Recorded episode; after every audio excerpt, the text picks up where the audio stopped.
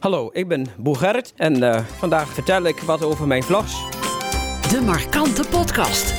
Even kijken hoe het in het plasdrasgebied is. Ik heb een heel stuk land onder water laten zetten. En dat allemaal om de weidevogels te beschermen. Ja, daar heb ik ook al wel een vlag over gemaakt. Plasdrasplas. Plasdrasplas. ja, mooi woord voor Scrabble. Het heet gewoon plasdras. Ik geef nu gas, we gaan nu de lucht in. We hebben nou genoeg gekletst. Kijk eens naar die metertjes. Hoor de motoren loeien. Zodra jij de cockpit binnenstapt en op de pilotenstoel gaat zitten, hè, voel je dan meteen het mannetje. Ja, ik heb een hekel aan termen van dat mannetje, mannetje. Maar ik vind het heerlijk om dan met iets wat je zelf eh, in elkaar geknutseld hebt... zo realistisch te kunnen gaan vliegen. Dan geef ik jou, Ada, een aapje weer. Vinden ze dit nou lekker met de voetjes in de zee? Ja, dat vinden ze heel lekker. Het is wel een gezicht, hè? Ja, dat is het ook. Maar ja, aan de andere kant, het zijn net vijf grote honden. Je ziet niet elke dag iemand met eh, vijf alpaca's op het strand. Behalve hier, dan zie je het wel bijna elke dag.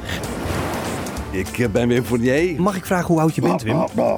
Verleden jaar ben ik 80 geworden. Je zit lekker vrijwillig op de, op de buurtbus. Dit doe je niet omdat het moet, omdat het nodig is, of, of, of, of. Nee, dit doe je voor je plezier.